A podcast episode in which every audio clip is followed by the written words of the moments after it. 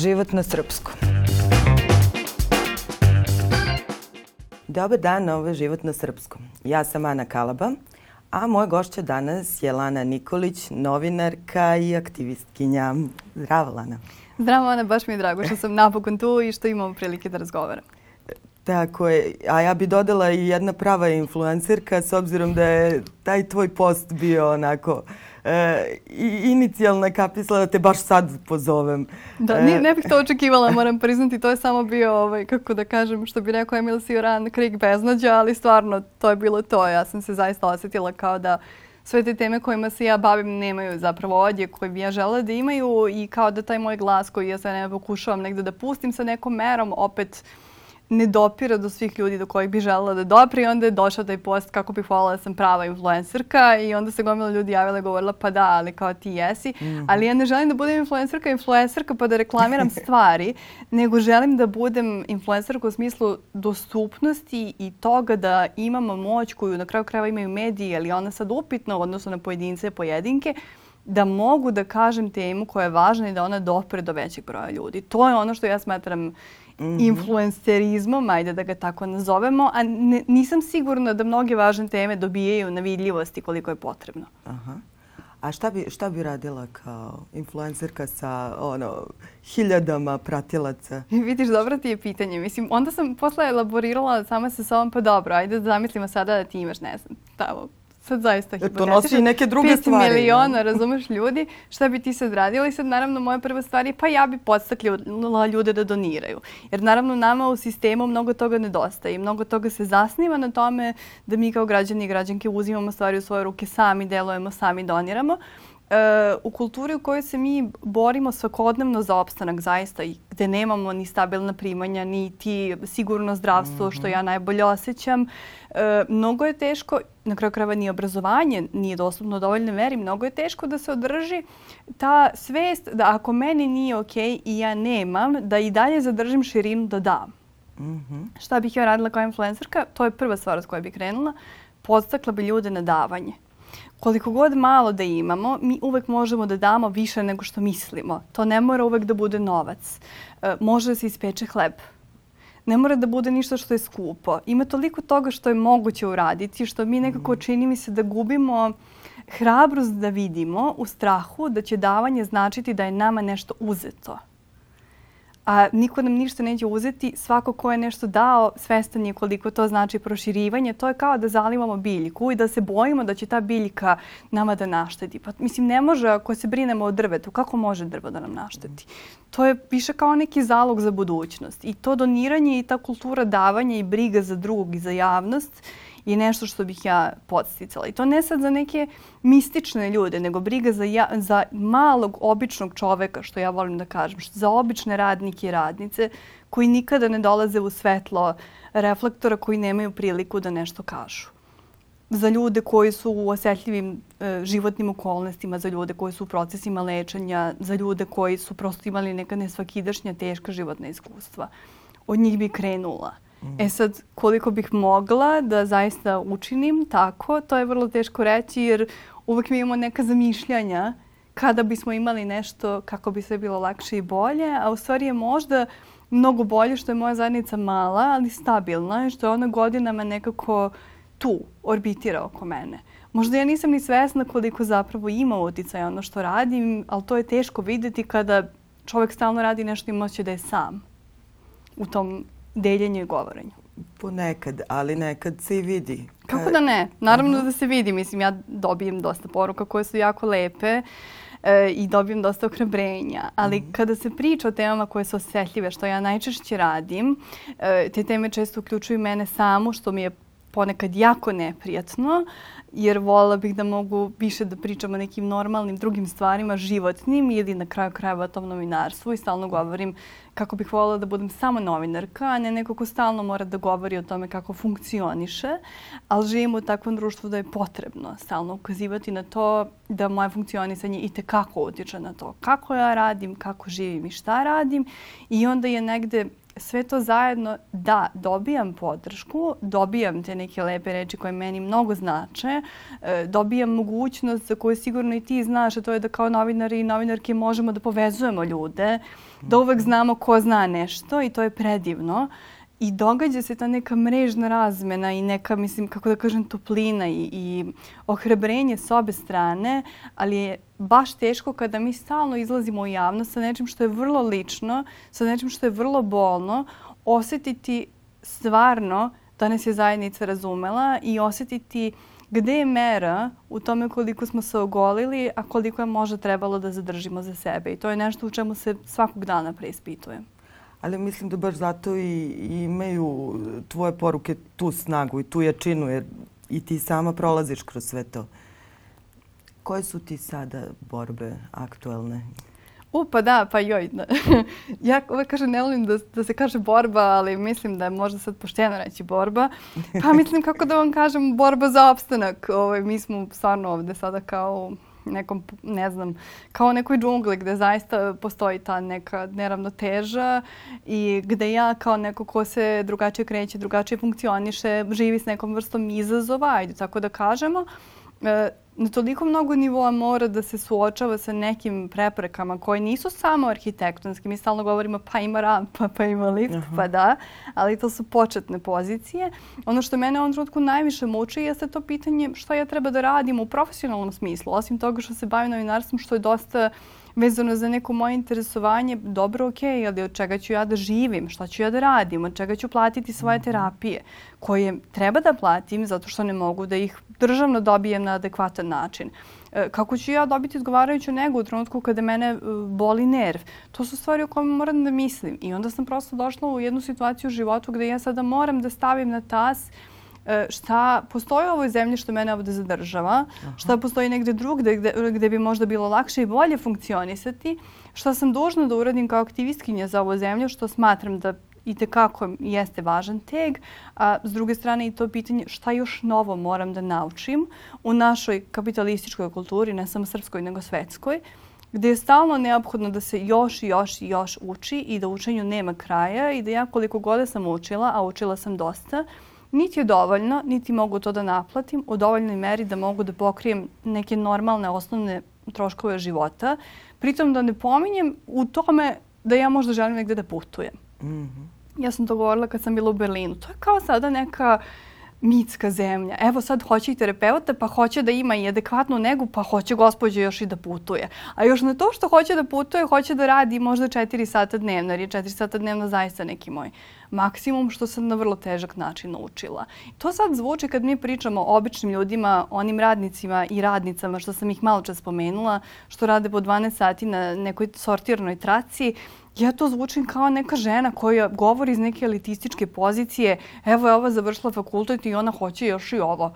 Pa ne samo da ja to treba da dobijem, svako treba da ima mogućnost da može da radi prema svojim potrebama, prema potrebama svog tela.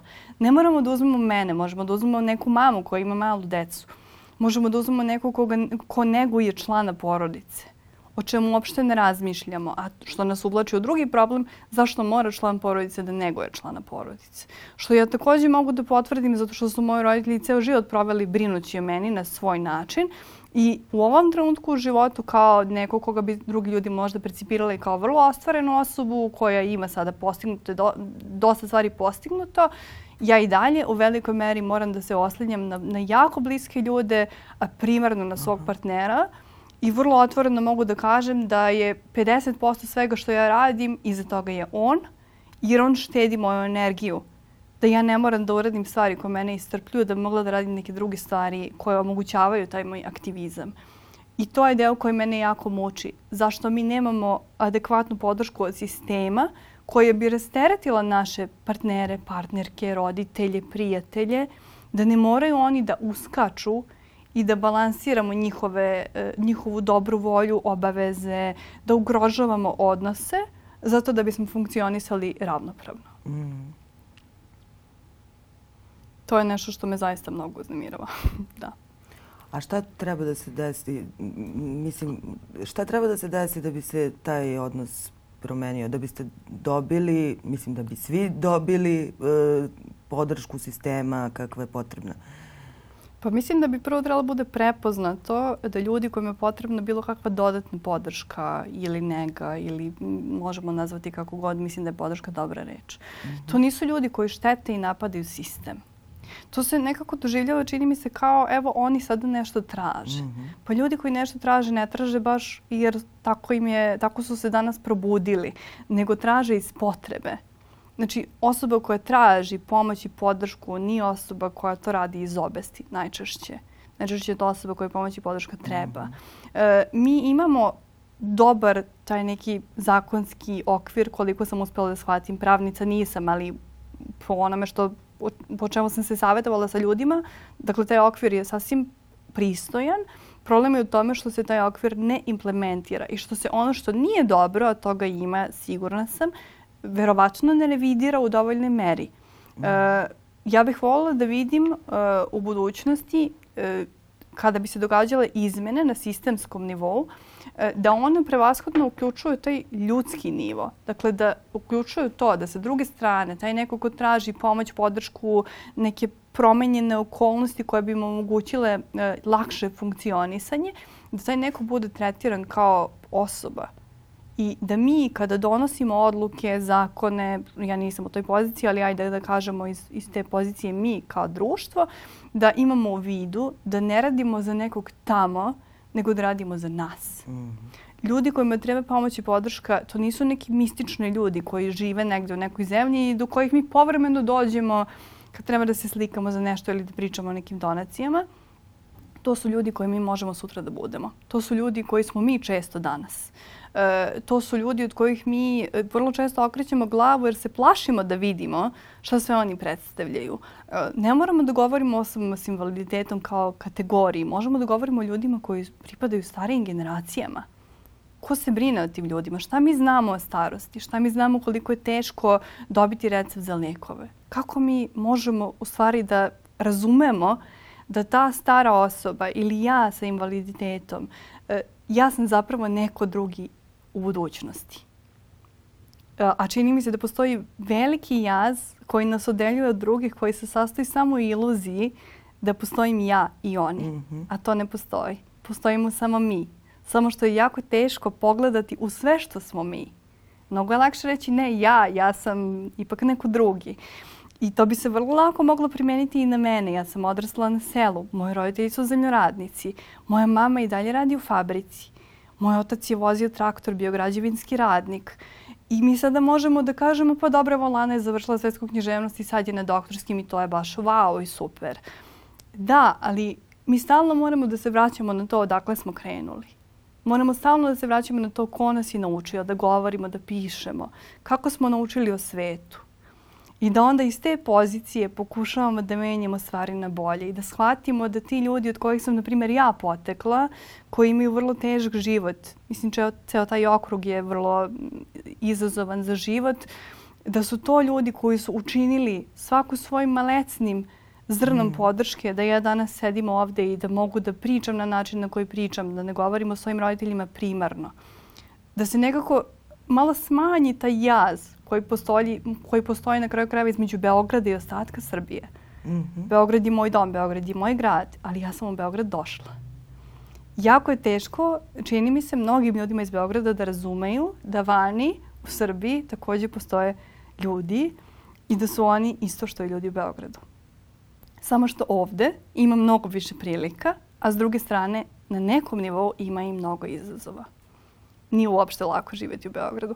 I čini mi se da te dve zajednice, da ih tako nazovemo, ostatak Srbije i naš Beograd, e, ne znaju dovoljno jedni od drugima.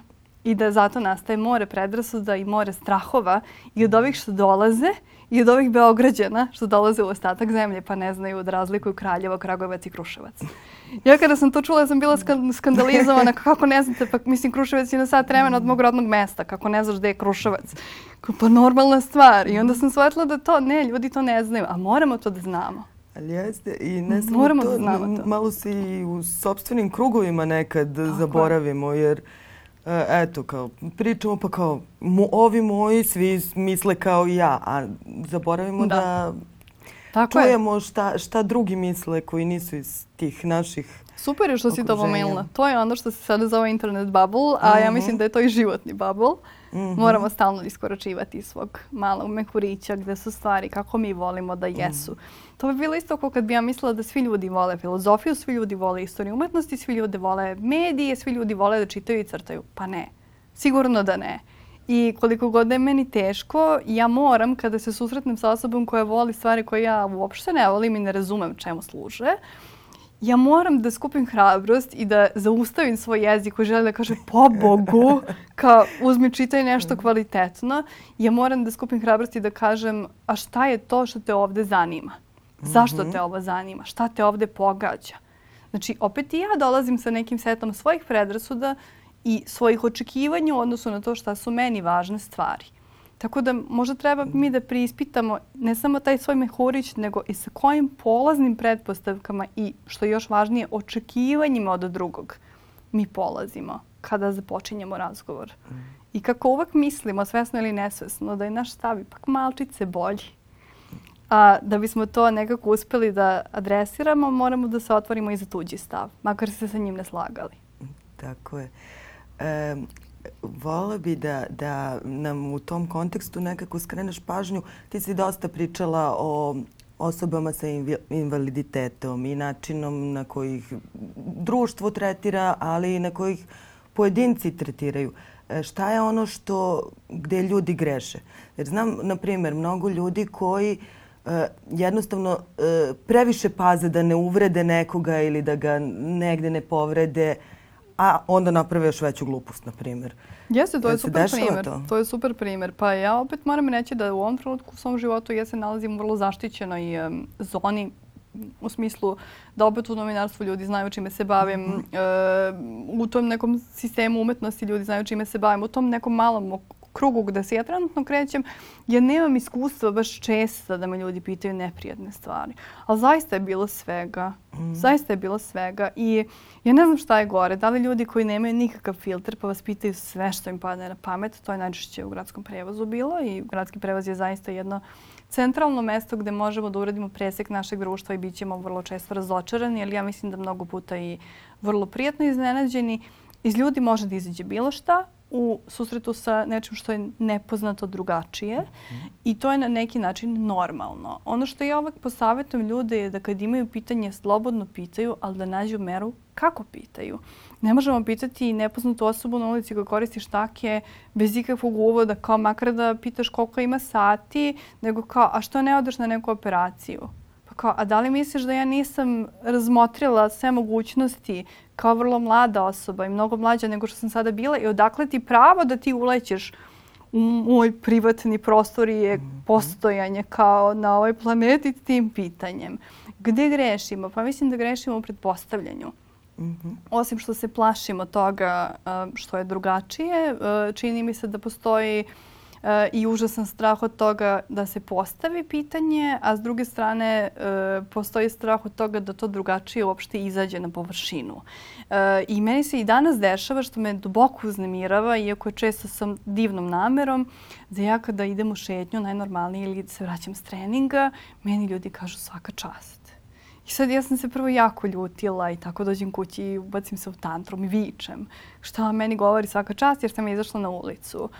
Ali ja kad shvatim iz ugla te osobe, njima to deluje potpuno nadrealno. Ba, mislim, ja ne verujem da su svesni prepreka sa kojima se ja suočavam, ali kao, ti si bre izašla napolje. A to je problem. Em što se plašimo da to drugačije izađe, em što kad izađe mi ne, znam, ne znamo šta sa tim da radimo. Nije meni svaka čast što sam izašla napolje, to treba svako da može. E, opet pričam o tom Berlinu, ali skoro sam se odatle vratila. Tamo sam za bukvalno sat vremena, ja mislim da sam bila desetoro ljudi, od kojih i ne znam, ono, četvoro koristilo kolica, neki ljudi koji koriste štake i to sve tako funkcioniše najopuštenije. Ja u Beogradu, ja mislim da za ovih 13 godina koliko sam ovde provela, da sam možda videla tri ili četiri osobe na ulici koje koriste kolica, ne računajući moje prijatelje koje poznajem, pa sad vidim. Mislim, gde grešimo? U tome što okrećemo glavu od nečega što nas uznemirava. Ja opet kažem, normalno je da se ljudi brinu i boje jer nisu nešto vidjeli. I normalno je da se mi zapravo zaklanjamo od bola. Ali ono što moramo da uradimo kao društvo jeste da skupljamo hrabrost da pogledamo to što ne znamo šta je. Da pogledamo i da pružimo ruku i celog sebe da vidimo šta tu ima. Mm. Čega se ja to bojim. Najčešće se ljudi boje, ja zaista to duboko mislim, iako nemam nikakvo opravdanje za tu misao, osim svog ličnog osjećanja, da se ljudi jako boje toga da će to biti oni. E, to je jedna stvar. Ljudi se boja da im se ne dogodi nešto strašno što će ih učiniti tako bespomoćnim.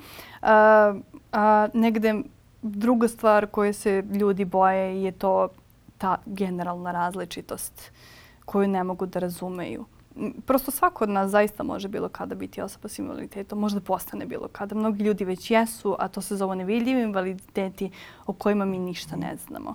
Ali to nije razlog da se mi zaklanjamo od stvari koje ne znamo. To nije razlog da se zaklanjamo od dece koja se leče od nekih kompleksnih bolesti. To nije razlog da pokušavamo da pobegnemo, pošto to se zove život i od života nećemo moći da pobegnemo nikad i koliko god da želimo da se zaklonimo i da stvari budu lepše. Da, stvari svakako ima mnogo lepih stvari, ali moramo da gledamo i u ono što je možda potresno i teško.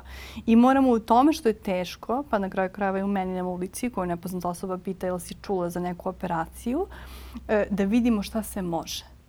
Gde je zdravlje te osobe, gde je pa, kapacitet te osobe, gde je snaga te osobe, a ne samo gde ona ne radi kako smo mi možda navikli ili očekujemo da bi trebalo da radi. A ti si svoje vremeno pričala i o tome e, da je najveća predrasuda u stvari da e, su ljudi e, sa, sa invaliditetom nesrećni u svojim telima, svojim životima. Da li bi se malo osvrnula na to jer mislim da je ovo pravi trenutak. Da, pa da, verovatno jeste. Ovaj, pa jesam zato što mislim, to je bio neki period mog života kad sam sve osjećala na takav način kao što se sada bavim tom idejom radnih prava i pitanjem četiri sata radnog vremena i ovaj, mogućnosti da mi izrazimo zapravo koja je potreba našeg tela. Isto ta stvar na neki način neprimeljiva po intenzitetu i kada govorimo o tom konceptu seksualnosti i očekivanja ljudi oko nas od toga od, od nas samih, šta će od nas biti, kako mi u stvari možemo da se integrišemo u društvu kao ljudi koji pre svega izgledaju drugačije u mom slučaju. Šta znači za mene da izgledam drugačije? To znači da sam ja za većinu ljudi nepoželjna kao partnerka, da sam ja za većinu ljudi nepoželjna kao potencijalna majka, da ja ukoliko bih bila majka, da bi bila stalno izložena moru predrasuda i ko zna kakvim sve komentarima koje sam se bojala i da zamislim. Zašto? Zato što ja izgledam tako da ljudima nije jasno kako ja funkcionišem i oni ne žele da imaju ništa mm. sa tim. Da zamislimo da osoba koja izgleda drugačije i koja izgleda kao da se jako teško kreće, ja izgledam verovatno mnogo kompleksnije nego što se osjećam, vrlo često, uh, mislimo da je to mnogo teško. Mene moje telo često jako muči i ono zna mnogo da boli i da bude vrlo naporno i vrlo intenzivno biti u mom telu. Uh, vrlo često bih ja volila kad bi mogli da se poisključuju prekidači pa da meni bude bolje i da sad ja ne moram da se bavim time što će danas da me boli ponovo. U ovom trenutku dok ovo govorim ja imam migrenu. To je mislim kao normalna stvar. Samo je pitanje šta će da se danas upali od svega što se inače uključuje. Ali ja nisam nesrećena u svom telu. Ono me jako mnogo muči u smislu da, da mi daje mnogo izazova, ali može da se kaže slobodno i muči, ali ja nisam u njemu nesrećna. Ja sam samo tužna. To nisu iste stvari. Biti nesrećan je nemati sposobnost da uočiš sve ono što je dobro i lepo, gde su mogućnosti da se razvijemo. E, ja i kada imam taj užasan bol u ruci ili u vratu, ja i dalje znam šta se mogu ja i kad ležim i kad plačem jer me tako strašno boli, ja i dalje znam šta se mogu. Ja i dalje moram da se vraćam na to, da imam tu čast i mogućnost da ustanem i sama operem sudove. Da imam tu čast i mogućnost da sama prostrem veš. Da imam tu mogućnost da se okupam sama, bar do nekle. Da ono što ne mogu, imam nekog na koga mogu da se oslonim. Moramo da se vraćamo na te osnovne tačke i kada prosuđujemo o, o tuđim telima, E, moramo da imamo u vidu da mi ne znamo šta su ta tela za te ljude. Ja bih mnogo voljela da je moje telo zdravo i da ja mogu da biram da li ću biti atletičarka ili slikarka. Ali ne mogu. ja mogu da biram mnogo malo u, u svim tim setovima, ali moje telo je meni mnogo dalo. Između ostalog i mogućnost da mogu sad ovde sve to da podelim. Sve ono što nama naše tela daju i što nam omogućavaju ne može da bude svedeno u to da li sam ja adekvatna da budem partnerka, da li sam ja adekvatna da budem mama, šta će biti ako ja sutra budem mama. To moje telo je toliko više od svega što društvo u njega opisuje, a posebno od tog seksualizovanog dela. I ja bih mnogo volila da devojčice koje imaju neke e, različitosti na telu koje ne moraju nužno biti invaliditeti, ali možda nije ni loše da se na to fokusiramo. Uh, devojčice koje imaju neku, protezu, devojčice koje nemaju kosu. Uh, da, da prosto razmišljamo o tome kakvu poruku njima šaljemo. Da li mene ženom čini samo to E, koliki su moje grudi, da li su moje noge prave i da li ja imam strabizam ili nemam. Kako smo došli dotle da tumačimo samo to? Mm. I šta sve čini jednu osobu? Šta sve čini nekoga ljudskim bićem? Nekako mi se čini da se moramo vratiti na taj kapacitet tela i na, na to šta je lepota. Ne samo ono šta je lepota u uglu posmatrača, nego šta mi mislimo da je lepota. Pa ko je ikada bio savršen? I zašto bi moje telo, koje bez obzira na sve što ga snalazi, na stranu što ja njemu često prepisujem to, kao da tu stoji neki zli čovek koji klikće na dugme, moje telo zaista jeste super na mnogo nivoa i nekako je važno da se uvek vratimo na to gde su sve naše tela dobre i super. Naši ljudi često govore, posebno stariji, čini mi se, pa kad sretneš nekog na ulici, znaš kako to biva, odmah kreće lista šta sve ne radi u mhm. telu. A ja nikad nisam čula nikoga da kaže pa evo ne znam ovaj, boli me kuk danas, ali evo super mi sve ostalo radi, išao sam sam na pijacu. Znaš, toliko smo usmereni na to šta ne radi, šta ne može, šta nije dobro, šta se ne uklapa u standard. Mm. Nećemo mi pro, pobeći od promena na našim telima, nećemo pobeći od e, staranja, nećemo pobeći od toga da se razboljevamo, to će da se desi svima nama na neki način. Ono što mi možemo da uradimo u ovim trenucima kada smo relativno ok, jeste da se polako sprijateljujemo sa svim promenama koje nas čekaju. Mene možda sutra čeka moj ukučen vrat i mene možda sutra čeka kragna za vrat i možda me čeka deset lekova za glavu. Ja to ne znam. Ali ako se sutra to desi, ja mogu sebi da kažem pa dobro, danas je takav dan. Danas je jednostavan takav dan. I onda ga pustimo da bude takav dan, a ne dan koji smo zamislili da mora da bude, koji smo izmaštali. Mm. To čini mi se da je ključna ta neka e, razlika između, između, odnosno razlog za naš sukob sa svetom, što svet neće da bude ono što mi želimo da izmaštamo, nego je svet ono što jeste i naše životne okolnosti su ono što jesu. I ono što mi imamo kao datost u ovom trenutku, čak i ovo što se ovde trenutno na stolu nalazi ili ova oprema koja je oko nas, da nam neko kaže imaš samo to od svih alata koji su na svetu dostupni. Ja verujem da bi svako od nas bio u stanju da nešto od tih alata iskoristi, da nešto od toga napravi. E to je ono što treba da radimo u okviru tela i u svakom drugom segmentu u kome se nalazimo, da gledamo oko sebe i da naše datosti, naše životne okolnosti gledamo kao potencijal. Kao moja baba što gleda svoju baštu odatle uvek može nešto da nikne. Nešto upotrebljivo. Pa da, mm. sigurno. Ali još jedna stvar, ne mora nužno biti upotrebljivo. Divno je što si to pomenula, jer baš sam juče to pisala na svom influencerskom kanalu. Šalim se. Ovaj, kako mi u kapitalizmu imamo tu ideju kako sve mora da ima neku svrhu, mhm. upotrebljivost i naravno ako može da se dobro naplati, to bi bilo idealno ne moraju stvari imati nužnu svrhu. Stvari mogu da postoje radi postojanja. Kao što postoji naš razgovor, mi ne bismo nužno morali da snimamo ovaj razgovor. Mi bismo mogli da sednemo na kafu potpuno neformalno. I ne bi moralo iz ovog razgovora da izađe nešto što mo može ići na društvene mreže i što može dobro do nekih ljudi. Ne mora nužno sve što radimo da donese novac, korist, vidljivost. Nekad mogu stvari da se rade samo da bi se radile. Jer kad kuvamo kafu, mi sigurno da imamo ideju kako želimo da se smirimo, želimo da nam bude prijatno, želimo da nam bude bolje. Dan je bio užasan, daj tu šoljezu kafe, daj nešto samo da zatrpam sve to što mi je danas snašlo. A šta bi bilo kada bismo skuvali tu kafu radi kafe? Šta bi bilo kada bismo svaku stvar radili bez straha od toga šta će nam ta stvar mhm. doneti ili još gore šta nam neće doneti? ne mora ništa da se desi, ne moramo ništa da dobijemo. Možemo samo da se opustimo koliko god nam teško bilo u tome u čemu se trenutno nalazimo, pa i u mojoj pomenutoj migreni. E, hvala ti, Lana. Ja bih volila samo da, da mi kažeš, s obzirom da evo sad, u stvari shvatam koliko smo tema dotakle u, u, u ovoj priči. E, da li svet ide u pravom smeru?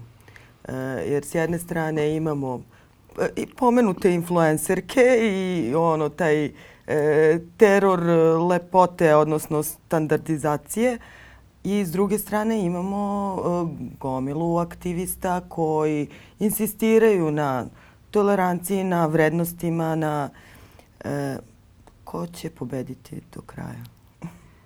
Pa, ja ne volim da mislim o svetu kao o agonu, iako jeste stalno neki sukob na neki način. I ne volim da mislim da tu može biti ikada finalnog e, pobednika ili neke strane koja je definitivno prevagnula.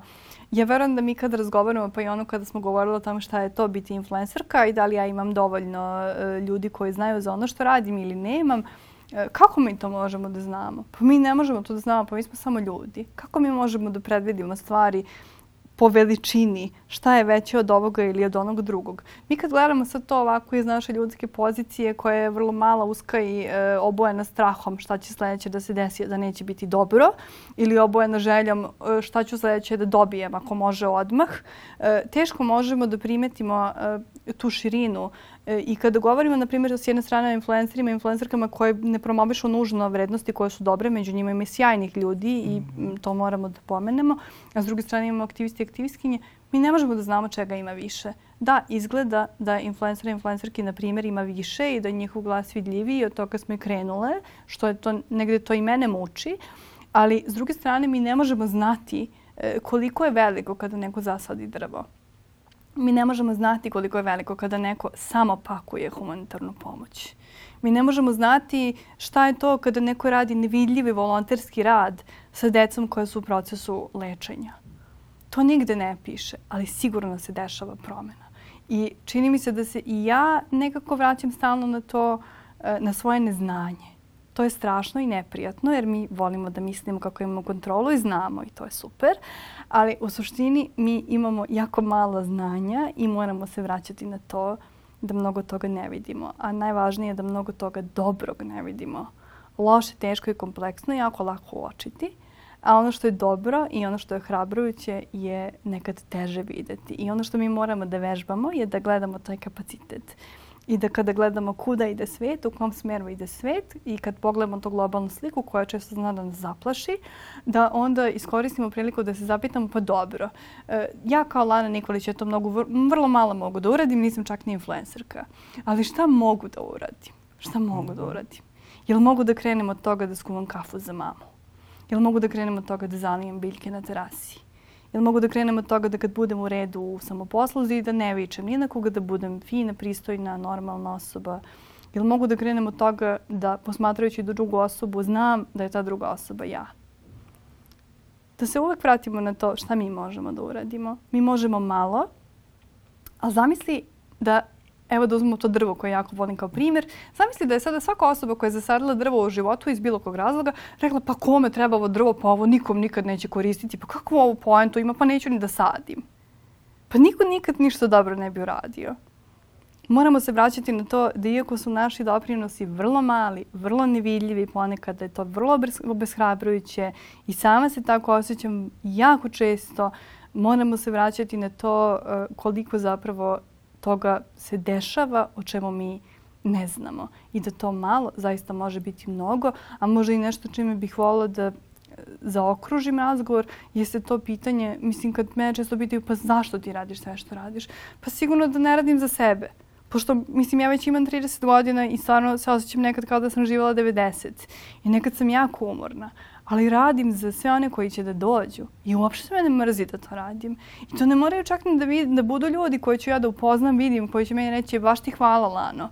Jer ima gomila ljudi koje mi ne znamo ni da su postojali, a nama su postavili mogućnost da mi radimo sve što danas radimo, pa i ova struja, odakle je ona došla i koliko je trebalo vremena da se, da se jedna struja stvori.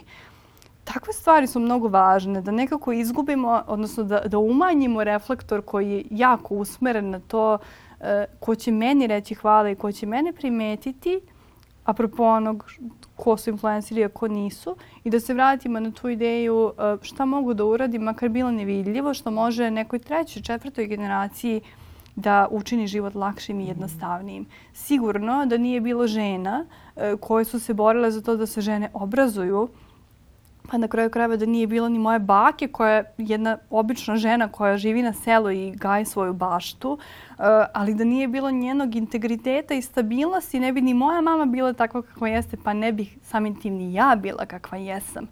I mi nekom dugujemo sve što jesmo. I na kraju krajeva taj svet za koji si me pitala kuda ide i kako će stvari da se odviju, mi smo dužni da taj svet dostavimo boljim nego što smo ga našli. Možda ne možemo da okrenemo planetu i da uradimo neku nadrealno sjajnu stvar, ali sigurno možemo da uradimo u svom okruženju bar nešto. I to je ono od čega možemo da krenemo svakog dana. Šta mogu da uradim danas? Ako ne možemo da uradimo ništa, i to je okej. Okay. Ali hajde da ne pravimo štetu. Samo ništa loše i ništa teško. A uklanjanje i govorenje umorna sam i ne mogu i danas nije moj dan, nema veze, sutra ću, može i to, samo da ne bude ništa što će nekome da našteti. Hvala ti, Lena. Hvala tebi, baš mi je drago što smo Drago mi je da, da smo završili sa tako nekom lep, lepom porukom. Neću ništa sad da nastavljam, a mi nastavljamo razgovor ovako. Da, samo lepe poruke. samo lepe poruke za kraj i taj povratak na to šta možemo, šta sve možemo tako, da uradimo. Tako. Hvala ti. Hvala tebi.